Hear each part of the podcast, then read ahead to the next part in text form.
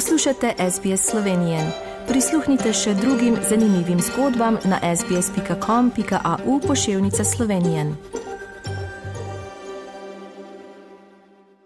Poslušate slovensko dan na radiju SBS širom Avstralije in po svetu v soboto 29. oktobra.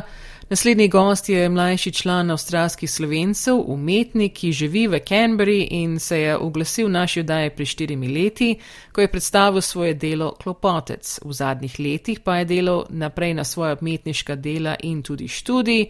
Več nam bo sam povedal, najprej pa dober dan in lepo pozdravljen na slovenski oddaji. Renger Gročič, welcome again to the Slovenian program on SBS Radio. Thank you very much for having me. We spoke with you a, a few years ago when you unveiled your work, uh, uh, and for those that might remember that interview, for those that maybe aren't familiar, tell us a little bit more about yourself, and your background, and, and how you started in this kind of work. Yes, the last time we talked, um, I had a show of um, a Klopotec that I kind of uh, created uh, in combination with Australian um, native materials, so particularly uh, eucalyptus, and had a few presentations of that work um, which was quite wonderful in a few different parts throughout Victoria. I think that was a really wonderful project um, because it got me thinking about heritage and the place of kind of Slovenia within my life. I um, am an artist, so I graduated from a Bachelor of Fine Art from the University of Melbourne back in 2009. And then I ended up moving overseas for a little while, came back and did a master's in art conservation, particularly focusing in organic material. And then now I'm doing my PhD in fine art, where I have uh, been lucky enough to get a lot of support from the Slovenian community to produce a number of works.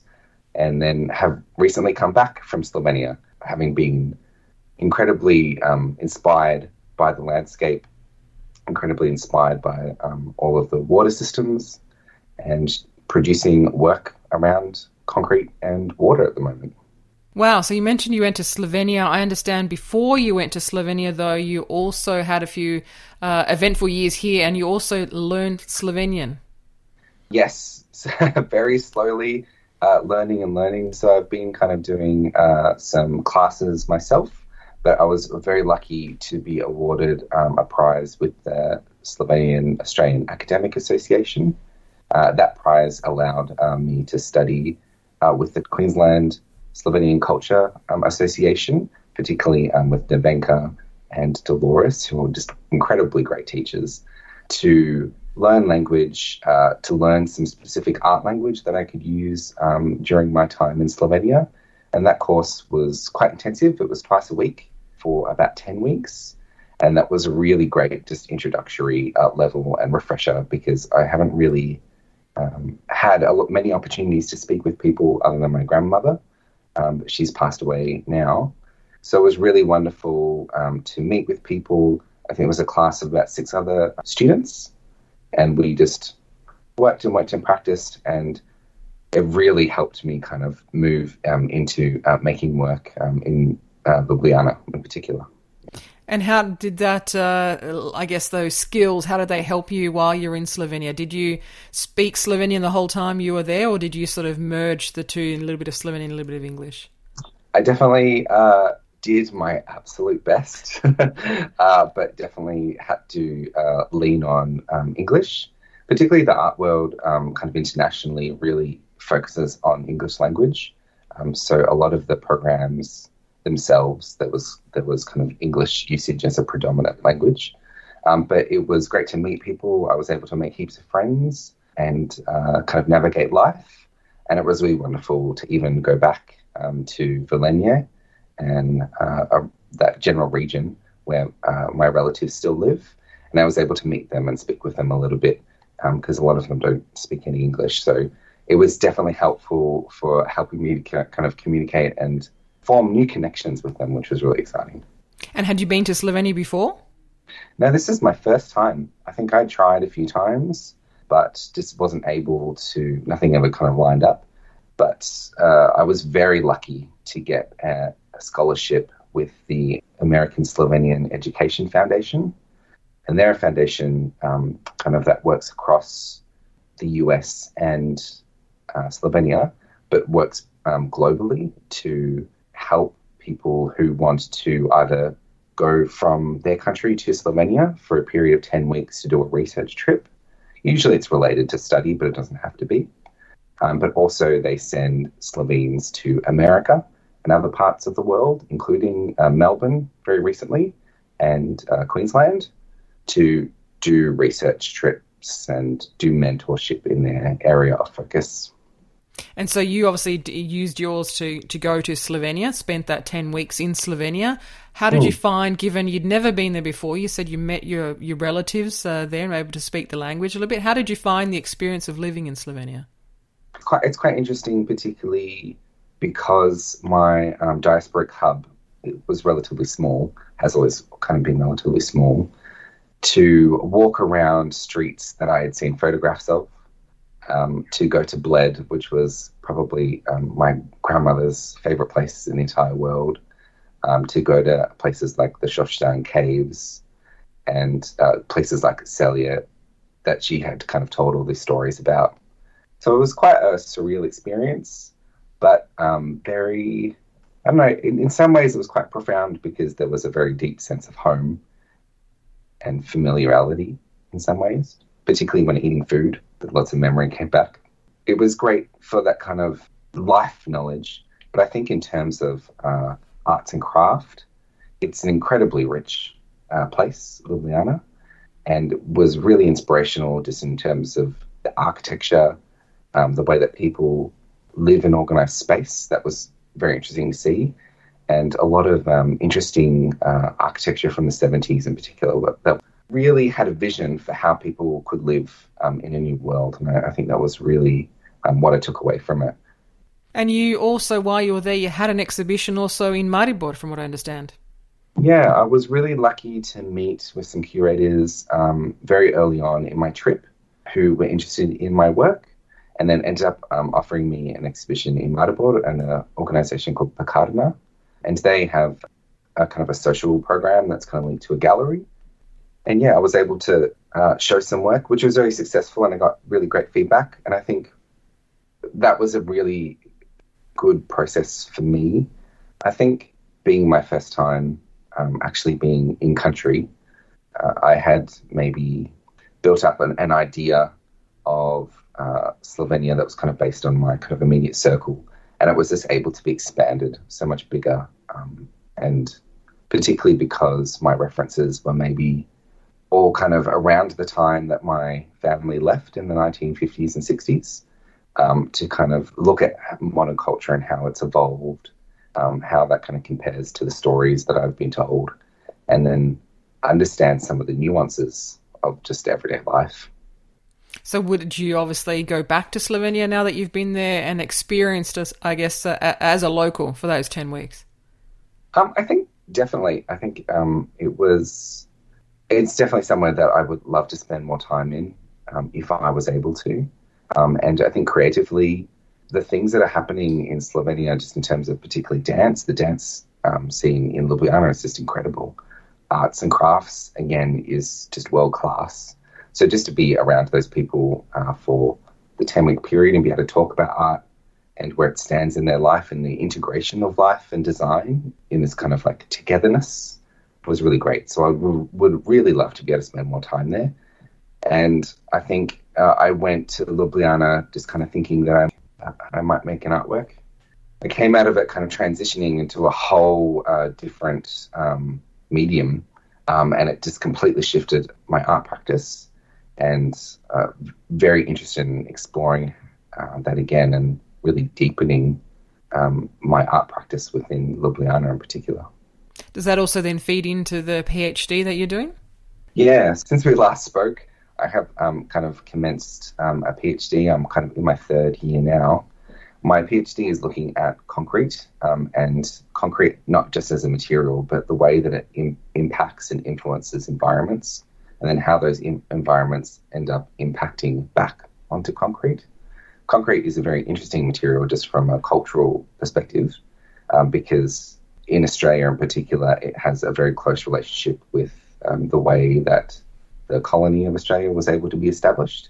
And an artist called Megan, Megan Cope has talked about the use of indigenous shell historical sites using, unfortunately, a source of lime that was then transformed into concrete products. So a lot of concrete products, unfortunately, in New South Wales have been kind of constructed using indigenous shell uh, midden sites.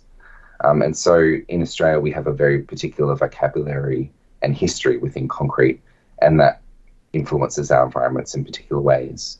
Within Slovenia, I decided to kind of focus on water because water is so important um, in the Slovenian kind of history.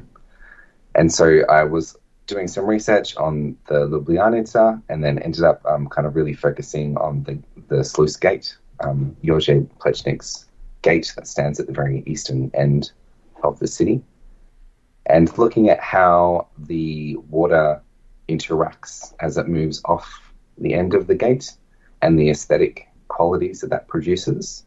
And then I ended up making a film. So I've just finished a film that goes for about um, eight and a half minutes, which is focusing on kind of not just the way that the concrete and the water interacts, but the way that the whole environment um, produces uh, a certain vocabulary and aesthetics of water as it flows kind of from the city um, through the gate and then further eastward.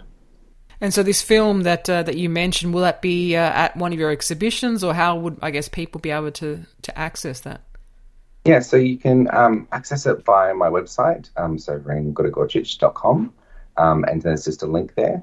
Um, and then hopefully later on, um, I've just finished it, so I haven't uh, found a place for it yet, but hopefully um, it will be available on exhibition sometime soon. It's an interesting work because it's black and white. Um, it is really my first black and white short film, although I've been working black and white for some time. But I think it's it's quite important because I think it really represents my time in Ljubljana. I think it represents what I learnt. In some ways, a bit of a respect for water and the way that has played such a huge role within the creation of this, the city of Ljubljana in particular, but of all Slovenia. I think water has always been, even from an Australian perspective, um, an important part of my life. And it was really interesting to see that kind of translated into the Slovene context. And you not only spent time uh, in Slovenia as well, I understand you were also in, in Italy. I think you had an exhibition there as well, and then also New Caledonia.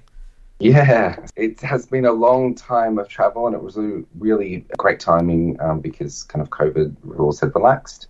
After I um, finished my time in Slovenia with ASEF, I was able to do a small residency in a place called Kolomakija, Kolomakija is, um, or Kolomakija, is in between Rome and Naples, but to the east and in the middle. So it is an incredibly interesting place because uh, during World War One, there was a very famous um, ph- photographer who was able to take some black and white photographs um, in that region. So it's actually quite well documented. The land uh, that Kolomakija is around uh, was originally mostly agricultural, but after 1950, uh, it mostly got abandoned. So all of the trees have regrown, and uh, pre-Roman settlements are scattered throughout the area, which is now t- turned into a forest. Um, and this forest creates its own microclimate um, because it's so lush and so new. So I was able to go kind of from Slovenia and then go to Italy and um, start to produce a four to five part uh, video work, which is going to kind of look at how the environment has kind of reclaimed that particular area and how a concrete free world, how it exists, the environment applies when concrete isn't a factor. And are there any plans, I guess, to uh, have an exhibition of some sort uh, in Australia? Yeah, uh, definitely. Um, just trying to find home um, homes for a lot of the works now.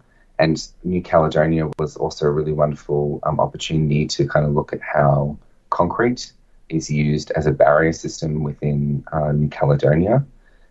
Interestingly, uh, a lot of um, uh, seawalls, uh, when the ocean hits the seawall, it um, reflects back the, the wave energy. So I went to New Caledonia to film the reflection of that uh, wave energy because there's a particular place that I was familiar with and uh, had been before and really loved.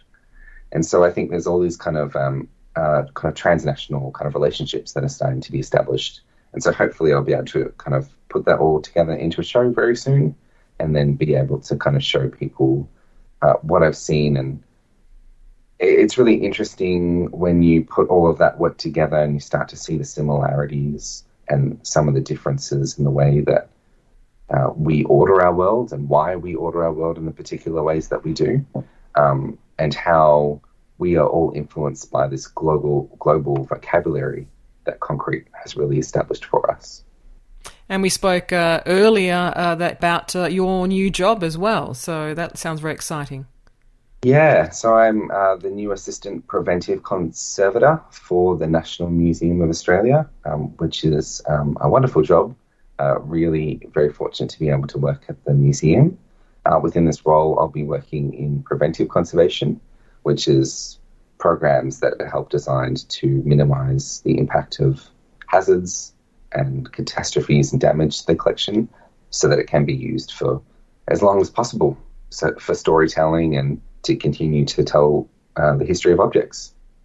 Wow, we wish you all the best uh, with that. Uh, are you going to continue, obviously, with the Slovenian as well, keeping up the language?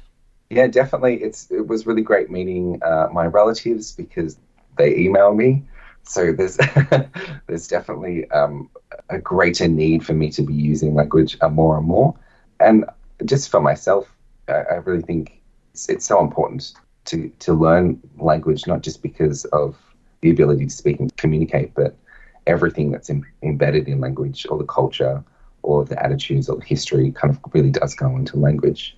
And I'm really looking forward to kind of in, continuing to improve and hopefully at one point even be able to try and um, help other people who are looking for, for language skills because you find people all the time who just say, I want to learn more, I want to speak more. And so, um, yeah, it would be great to be part of that. How about uh, you giving us a, a, little bit of something in Slovenian? oh, now you're putting me on the spot. You just really.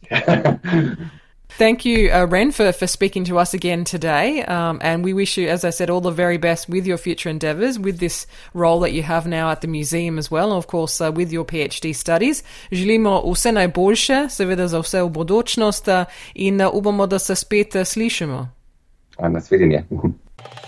Želite slišati sorodne zgodbe? Prisluhnite jim preko Apple ali Google podcasta, preko aplikacije Spotify ali kjerkoli drugje.